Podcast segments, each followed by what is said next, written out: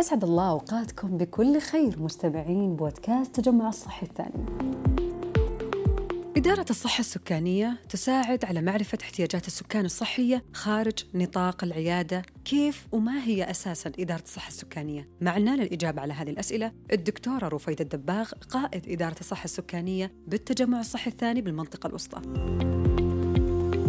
الصحة السكانية إيش هي؟ الصحة السكانية أو إدارة الصحة السكانية هي حقيقة منظومة لإدارة خدمات صحية بحيث آه، يتم توزيع وتقديم الخدمات الرعاية الصحية لسكان محددين يسكنوا في منطقة سكانية محددة أو منطقة جغرافية محددة حسب احتياجاتهم الصحية المحددة. فبمعنى أنه مثلا في التجمع الصحي الثاني نستطيع يعني تطبيق إدارة الصحة السكانية يجب علينا أولا معرفة من هم هؤلاء السكان.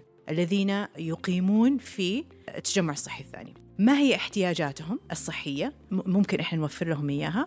ومن ثم يتم تقديم الخدمات أو توزيع الخدمات بشكل أفضل بحيث كل شخص يتم توفير له الخدمة التي تناسب احتياجاته الصحية المحددة له. وش الهدف من وجودها؟ ويعني وكيف راح يكون أثرها؟ الهدف من وجودها هو لتحسين الخدمات الصحية التي كنا نعطيها في السابق يعني الآن لأننا تجمع صحي مسؤول عن هؤلاء الناس الذين يقيمون في منطقة جغرافية يجب علينا تحسين من كفاءة الخدمات الصحية ولأننا نحتاج يعني تحسين الخدمات لازم الواحد يعرف بالضبط إيش اللي يحتاجه الإنسان؟ فعلى سبيل المثال يعني في العيادة الطبيعية العادية يتم زيارة المريض للطبيب ويتم توفير الخدمات له داخل العيادة فقط. ولكن إدارة الصحة السكانية تسمح لنا نقدم الخدمات لهؤلاء المرضى أو هؤلاء السكان خارج حدود العيادة كذلك. يعني معرفة احتياجاتهم في الأحياء السكنية البيئة التي يسكنوا فيها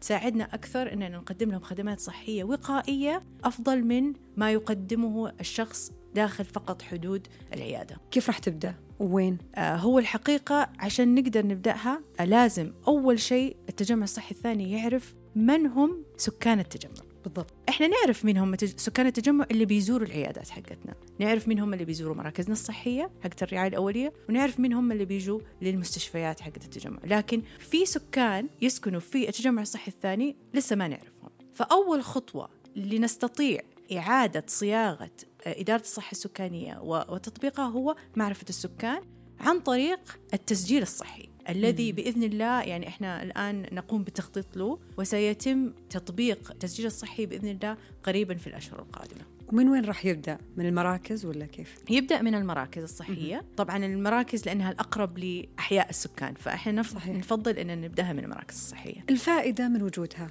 خليني أنا آه، عشان أوصل هذه الفكرة نتكلم عنها من أكثر من بعد، نتكلم عنها الفائدة منها للفرد والفائدة منها للطبيب. جميل. والفائدة منها للتجمع ككل صح؟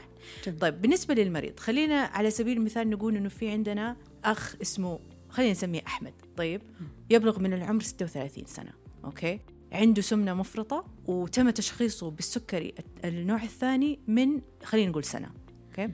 آه إيش يسوي أحمد كل زيارة له في العيادة؟ يجي للطبيب والطبيب يراجع الكوليسترول حقه والتحاليل حقته كلها. ممكن يغير له جرعة الجلوكوفاج إذا هو كان على الجلوكوفاج.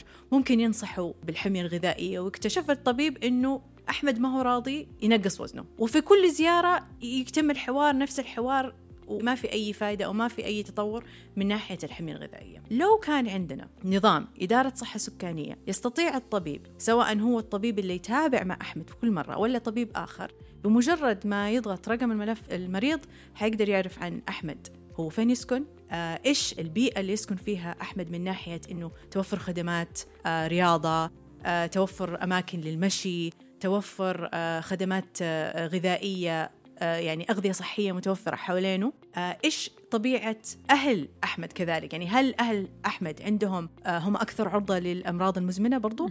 هل أهل أحمد كلهم جميعهم يعانون من السمنة المفرطة؟